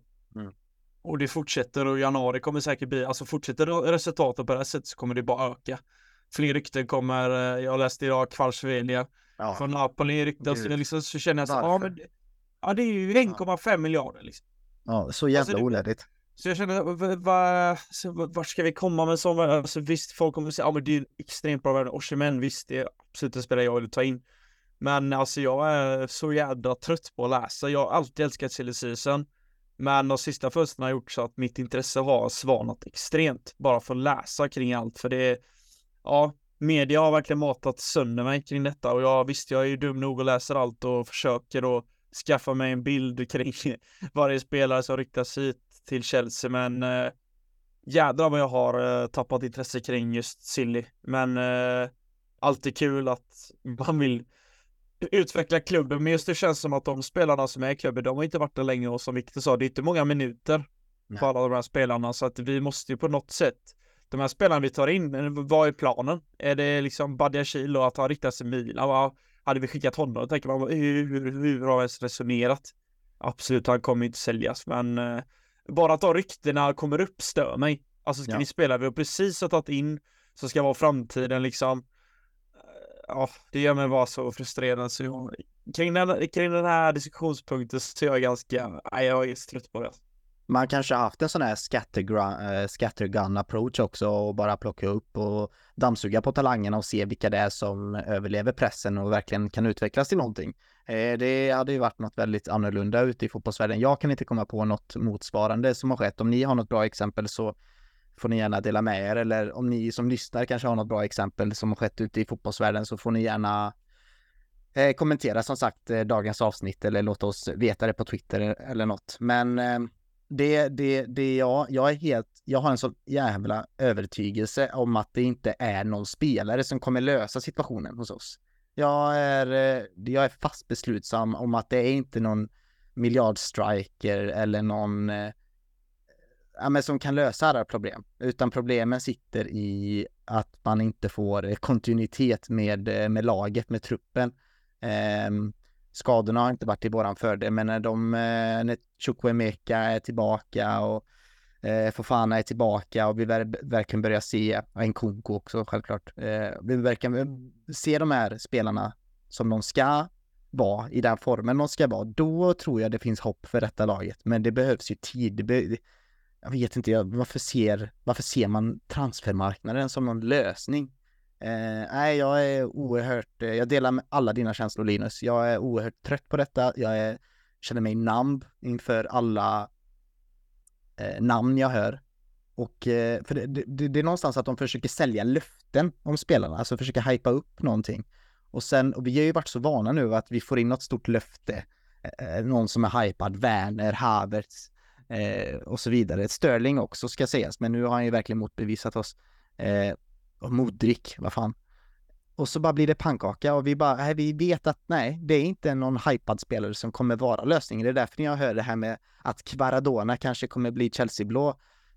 Ja, du vet, hade du sagt det för två år sedan, då hade jag bara wow, och jävlar vilket kap. Om det hade varit en eh, Kvaratskhelia man, man vet idag. Men nu känner jag, nej, kom inte till Chelsea för din egen skull nästan. Nej, och alltså bara för att förtydliga och lite sätta punkt på mina känslor. Det är ju en viktig punkt är liksom att jag vill gärna komma in i ett transferfönster snart, om, om vi vet inte om vi snackar år här nu, men att få komma in och känna att våran trupp känns bra. Att vi inte behöver fylla på med något, att den, alltså man, man känner sig att vi kan gå igenom det här fönstret utan att behöva köra några panikvärvningar. Att vi går in, alltså det är ju länge sedan, men det är även om när saker fungerar så skulle alltid Chelsea göra någon sån här panikvärvning. Jag vill bara komma in i ett fönster och känna att vi har en trupp som vi kan bygga på, vi behöver inte göra några värvningar. För ofta de här januarivärvningarna, det är inte alltid de går hem. Alltså jag menar, det är bara att backa tillbaka till Contes andra säsong, liksom man plockar in Sabba Costa och Danny Drinkwater på liksom deadline day. Det är så, så skräckvärvningar, man bara, vad är tanken? Mm. Men idag känner, alltså jag vill bara känna något fönster och det är det man borde tycka efter alla dessa värvningar, att man borde kunna gå in i ett fönster snart och känna att vi behöver inte göra någon värvning. Vi har talanger, vi har en trupp som håller, men vi gör ju aldrig det. Det blir bara värre, det eskalerar ju bara. Vem ska vi sälja? Vi måste rensa, visst, sommarens rensning är jättebra, men det kommer bara fortsätta och det känns som att vi aldrig kommer att ha ett lugnt fönster. Det, ja, jag minns knappt, jag är avundsjuk på typ Arsenal liksom. Det har varit många år där det varit lugnt och skönt, där det ryktas inte så mycket. Man kan fortsätta bygga sin trupp. Man kan fortsätta arbeta med det man har. Men Chelsea är ju för fan, det är ju varje år är det ju, man ryktas bort, han ska bort, han ska in. Alltså det blir aldrig någon lugn och ro. Nej, Fredrik, du har varit, eh, du redogjorde Win Stanley och Stewarts planer till januari, men eh, hur känner du kring eh, situationen och hur går dina personliga tankar kring, kring allting?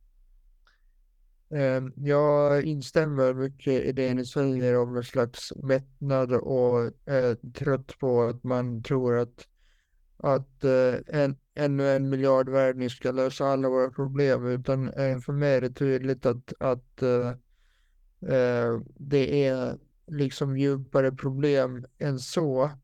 Äh, så jag, jag delar mycket av det ni säger. Sen tycker jag ändå att det är oerhört att vi har spenderat alla de här stora summorna och ändå så, ändå så eh, sitter vi och tycker att eh, det är lite svagt både på målvaktsposten och att vi inte har någon, mm.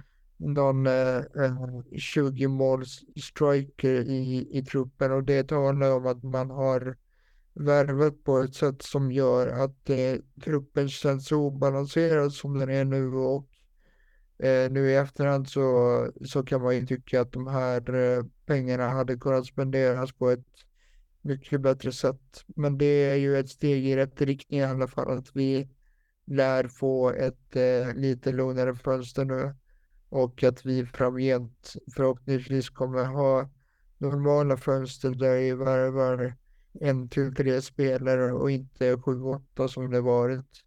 Mm. Men eh, sen tror jag också att det ligger mycket i det du säger att, att eh, man väljer att köpa in eh, massa talanger och så ser man vilka det är som blommar ut och som kan tillföra någonting till vår trupp och i de fallen där det inte riktigt flyger så, så säljer vi av dem för vinst. För det, det är jag övertygad och det har skrivit så pass mycket om det att jag, jag tycker man kan slå fast att det är affärsidén liksom att, att vi köper in unga talanger, förädlar dem och sen säljer vidare. Eh, och eh, får snurr på, på intäkterna och eh, det blir eh, eh positiva siffror i, i bokföringen och sådär. Det, det är det. Eh, så att eh, i mångt och mycket så delar jag eh, det ni redan har sagt minus. Tycker upp, eh, du lyfter upp en eh, viktig grej där med att eh, fan det kanske inte hade varit kanske helt oklokt att eh, kolla efter en ny slips eh, någonstans, även fast vi, han kanske inte, Sanchez inte ska lastas för någon av de här 4-1 målet, fyra målen som vi släpper in på, på St. James's så är det någonting med hans utstrålning som jag inte tycker eh, resonerar så mycket med med oss. Men eh, ja, det är väl bara jag och min konstiga psykologi och hjärna som inte riktigt eh, kan ta till mig Robert Sanchez. Eh, tror jag riktigt heller. Ja, det, det är ju en eh, trist historik, även om eh, så här, Mondi hade ju en, en en ganska lång period där han faktiskt var, var väldigt bra. även om han inte var liksom den chefen kanske över hela sitt straffområde heller. Eh, men ja, Sanchez har haft en svag säsongstart, men eh, mot, mot City så håller han ju oss kvar i matchen där också från att den ska rinna iväg från oss. Så vad är det? Newcastle har fem avslut på mål och det är, en, det är en bra räddning han gör på kär skott är det va? Just det. det här femte skottet som inte går in. Eh, men som sagt, eh, det, det, är svårt att lasta honom för något av målen.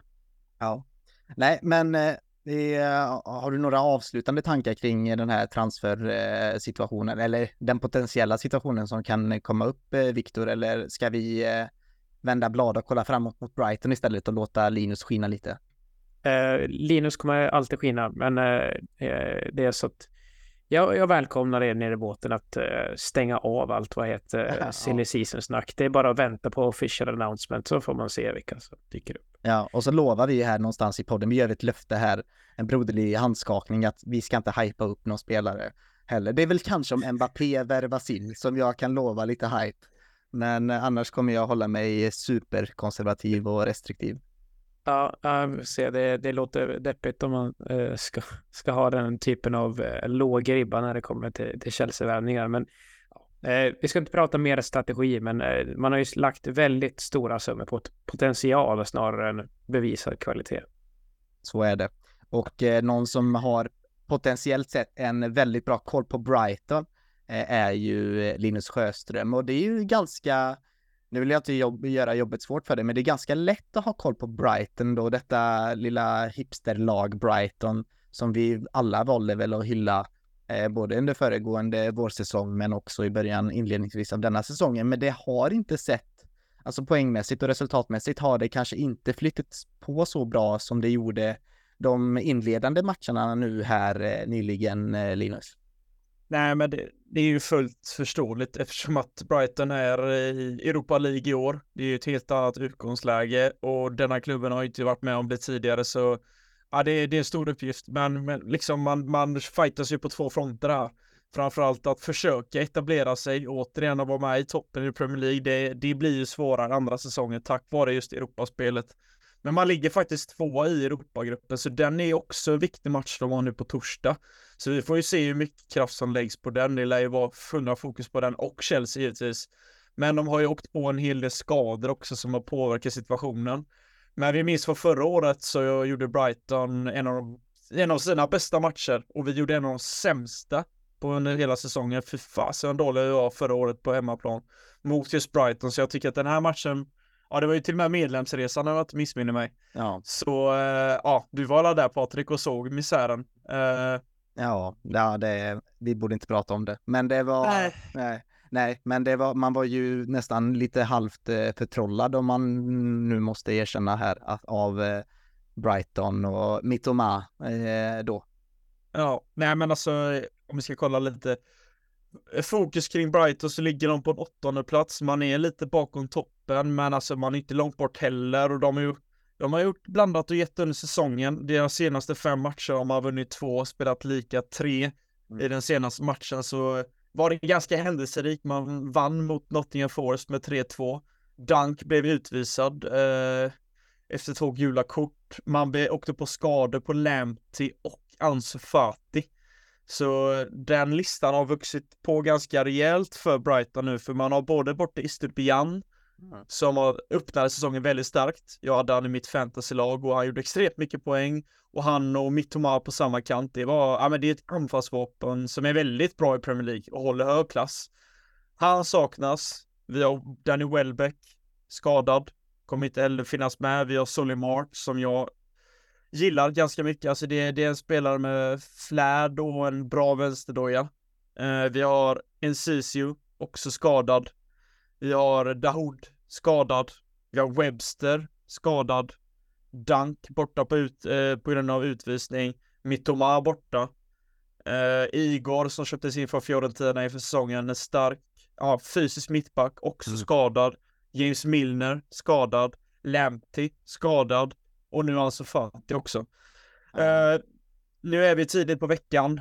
Uh, vissa av de här spelarna kan vara tillbaka till match, men uh, ja, de har en gedigen skadelista, men det ska vi inte luras av, för det vet vi senast mot Newcastle att skador spelar inte så stor roll. Det handlar om hur hur de ställer upp och hur de kommer spela och jag tror att de kommer fortsätta som de oftast gör, Brighton, att spela den här ja, fartfyllda spelet som eh, De Serbi står för och eh, vi får ju verkligen visa vart fan vi står också.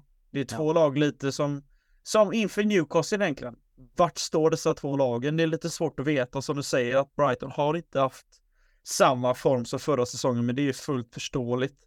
Men jag tror att eh, ja, det är en lurig match återigen som vi måste verkligen ta till 100% i fokus och hur vi ska utföra den här matchen. För jag tror att den eh, blir tuff om vi inte lyckas hålla igen.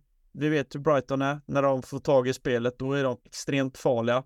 Men det beror lite på, är Mittoma borta också, det är en sån jädra viktig spelare för dem, så tror jag att ja, han är en kugge i det där anfallsspelet. Så vi får se det lite. Även Ferguson, den unga irländaren, är ju ett anfallshot. Började säsongen bra, men har börjat dala så att det är en, ja, det är lite formsvackor i det laget också faktiskt. Ja, men eh, och om vi inte gjorde det tydligt då inför det här segmentet så spelar vi alltså Brighton nu på söndag eh, klockan tre då, första advent 3 december. Eh, så det blir en adventsmatch då på Stamford Bridge då, där man gästas av Brighton och eh, precis som Linus är inne på så eh, är det återigen ett uppdukat bord eh, där för oss, eh, Viktor, där fan här måste vi ju bara ta tre poäng och inte sett till kanske, alltså för, in, inför den här säsongen så hade man kanske tyckt att Brighton är lite före sin, eller är före sin utveckling än vad, vad Chelsea är. Men eh, nu måste vi få en respons efter den här insatsen, bedrövliga insatsen mot Newcastle. Så ja, det känns som ett bra läge här. Absolut, vi kommer ha en full träningsvecka liksom där eh, Pochettino förhoppningsvis kanske gör lite förändringar då i, i startöven, Det eh, kan jag känna för att eh, markera. Eh, och precis som med Newcastle så relaterar väl jag eh, deras plötsligt långa skadelista med att det, det, är en ökad belastning i och med att de spelar ute i Europa.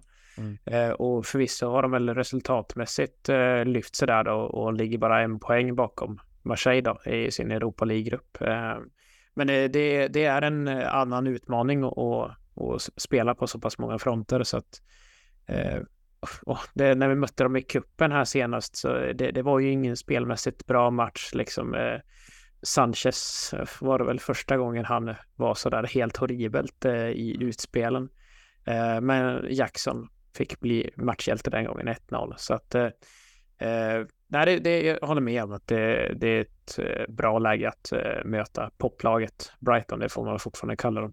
Mm. Och du nämnde det Linus, jag, jag, kanske missade det, men du nämnde det mm. med Dunks eh, avstängning också va?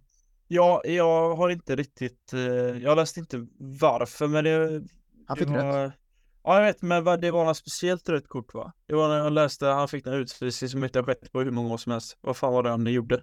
Ja, men tydligen ska det vara så att Dunk ska ha sagt väldigt otrevliga och eh, otrevliga ord och använt ett, eh, ja, ett fult språk helt enkelt mot eh, Taylor då, eh, som var dom, dömde den matchen. Och det ska ha lett egentligen till ett direkt rött kort, men det blev två gula istället. Eh, helt enkelt för att det var säkert någon konfrontation. Och det har inte tydligen hänt då på 12 år eh, att man blir utvisad på, eh, av en sån konfrontation helt enkelt. Så um, ja, det var väldigt oklart. Vi var tvungna att googla upp detta och kolla och, uh, vad det var som egentligen hände.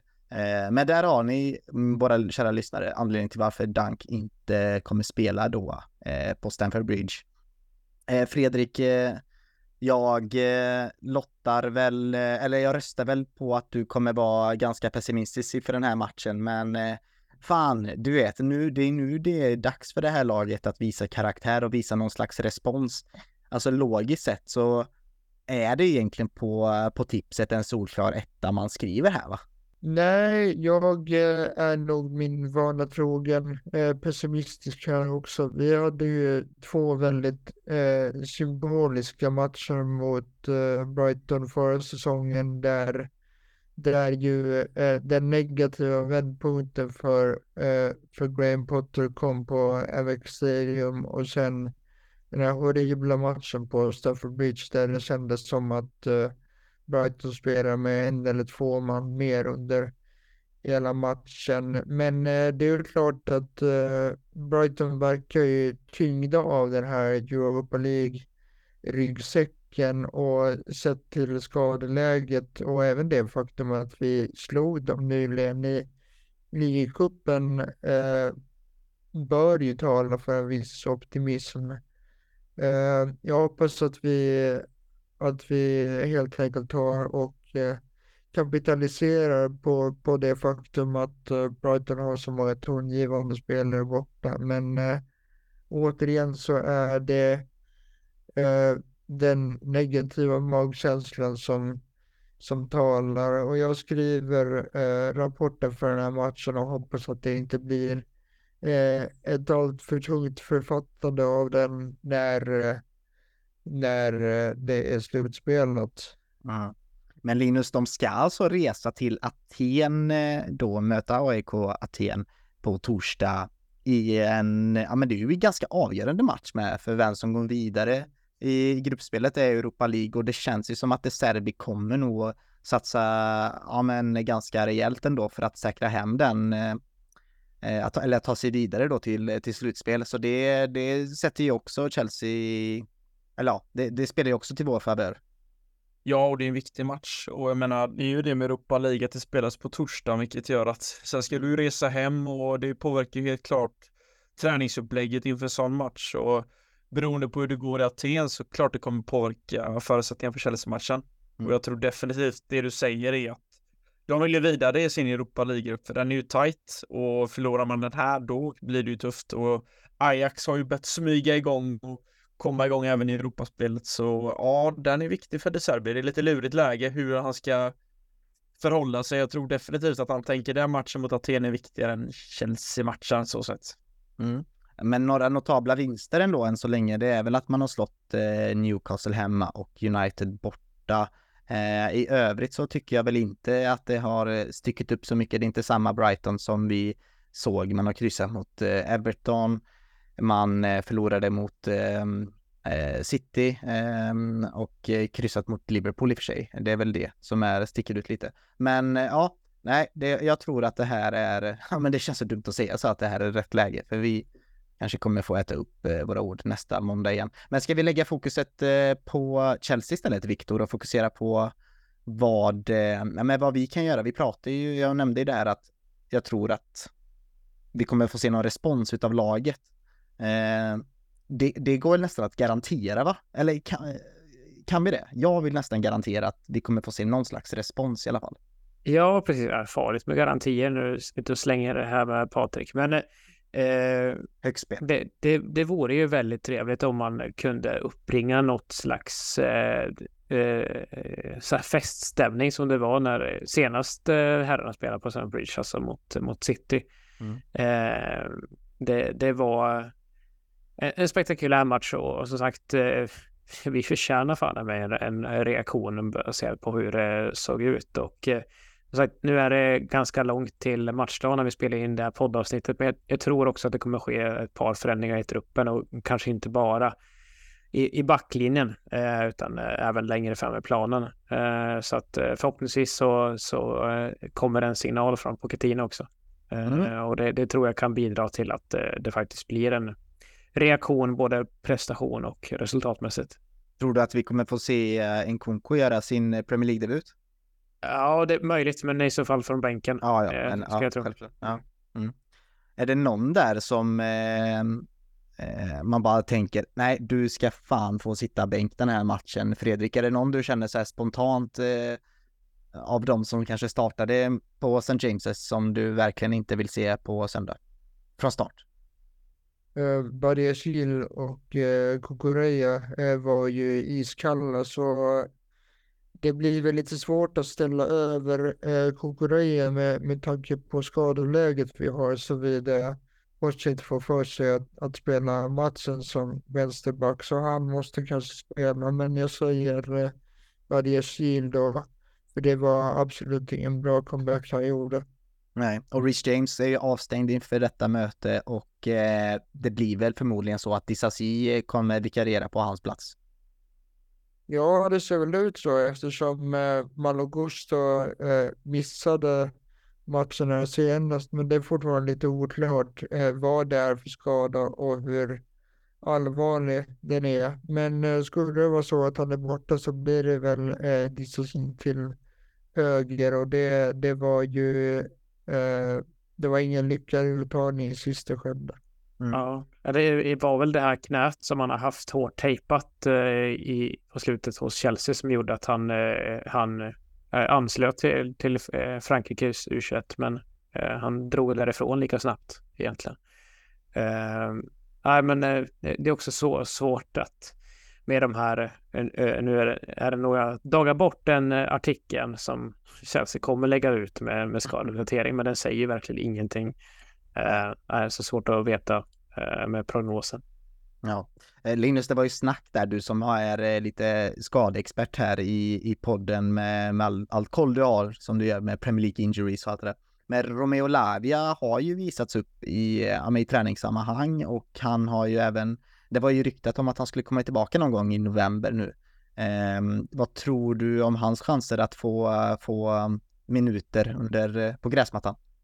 Jo, men det är klart det kommer komma inom sin tid, men den här matchen lär nog inte vara med tror inte jag eller.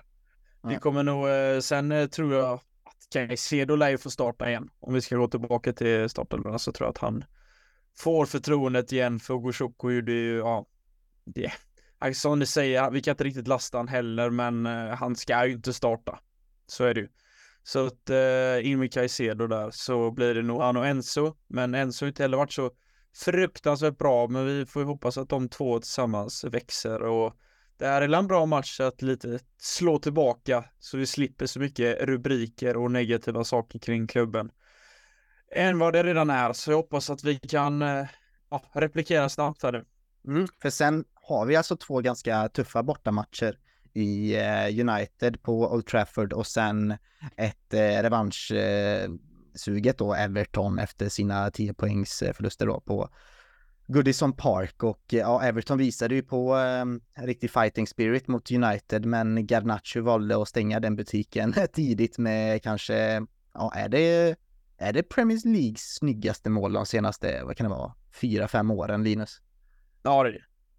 Alltså den träffen och det är ju ganska långt ut i, i själva straffområdet som målet eh, görs och just det tekniken och kontrollen han gör liksom från inlägget och sätter den så otroligt fint i bortre. Det jag tror definitivt att det är årets mål i Premier League. Buskas oklart men eh, i Premier League. Alltså Rooneys bissa mot eh, City är ju, många har jämfört de två mellan varandra och även Ronaldos otroliga bissakleta i Real Madrid så tror jag ändå att, eh, ja, den är ändå jämföra, Ronaldos är högre i mina ögon, men den ligger ändå i, ja, i samma nivå som uh, Rooneys mot City, så den är legendarisk. Ja, Rooneys mål var ju så ja. symboliskt också, så det var ju också, ger en extra tyngd. Men eh, ja, förhoppningsvis så har Garnacho satt eh, fel skor på fel fötter eh, när vi möter United den 6 december. Men ja, nu kommer vi matchas, eh, matchas mycket tätare här än vanligt. Så det är ju match på söndag, sen är det ju match på onsdag redan och sen är det match på söndag igen. Så nu, nu börjar det hektiska eh, vinterschemat egentligen. Så det ska bli kul om vi kan ja, ta vara på en lite större trupp då och när många kommer tillbaka från skador att det börjar lufta lite spelare och kanske vila några andra också. Eh, så ja, men eh, jag, tycker vi, jag tycker vi stänger butiken här för vi har ändå fått med det mesta som ändå har varit relevant inför detta avsnittet. Så jag får tacka så jättemycket för att ni har lyssnat på eh, dagens avsnitt och tack till eh, kära panel. Eh, som vanligt då, Viktor, vi hade ju vi klär in med det här med ganska deppiga tankar. Åh nej, nu ska vi snacka att det är kris och nej, nu måste vi kanske försvara Pochettino, men någonstans så får jag alltid känslan efter att jag har pratat med er. Så, eh, nej men, eh, fan, ha tålamod grabbar. Det, det kom, allt kommer lösa sig liksom. Ja, det, det är få förunnat eh, av oss supportrar att ha den här funktionen, men nej, det är alltid lika trevligt att, att ha den här rutinen och hoppas att vi fortsatt eh, stimulera till diskussion i lyssnarbasen. Vi vill alltid höra era tankar, eh, hur snett vi än är på det. Så fram med det. Jag tänker att nästa avsnitt ska vi göra en liten, ja men liksom en samlingsförsök då inför matchen eh, Häcken-Chelsea då som spelas i Champions League. eh, kvinnornas, vad är det, näst sista gruppspelsmatch va? Ja, det blir väl den, den fjärde blir det, eh, men sista för kalenderåret. Just det, så är det. Mm. Eh, så ja, vi kommer göra lite mer shoutout och lite mer instruktioner kanske på hur vi kan eh, träffas lite mer eh, i tydligare ute på hissingen i Göteborg. Så eh, ja, ni får eh, tuna in nästa vecka då igen när vi ska spela igen och eh, fram tills dess så ja, ni kan ju vara med och bidra till Chelsea Supporters Sweden på massa olika sätt. Bli medlem nu innan det blir årsskifte och eh, ja, det är viktigt att bli en del av den svenska blå familjen tycker vi här i panelen och i CSS. Eh, det är ett sätt att eh, växa denna stora fina förening till något ännu större och finare. Eh, ett annat sätt att bidra är ju självklart att gå in på vår svenska fans och läsa våra ja, men, eh, grymma matchrapporter, analyser och krönikor som är skrivna av vår duktiga redaktion här på CSS. Gå även med i vår Facebookgrupp, Facebookpodd, eh, Chelseapodden by CSS och vår Discord och följ oss på Twitter och allt det där. Eh, vi hörs nästa vecka hörni och eh, ja, keep the blue flag flying high.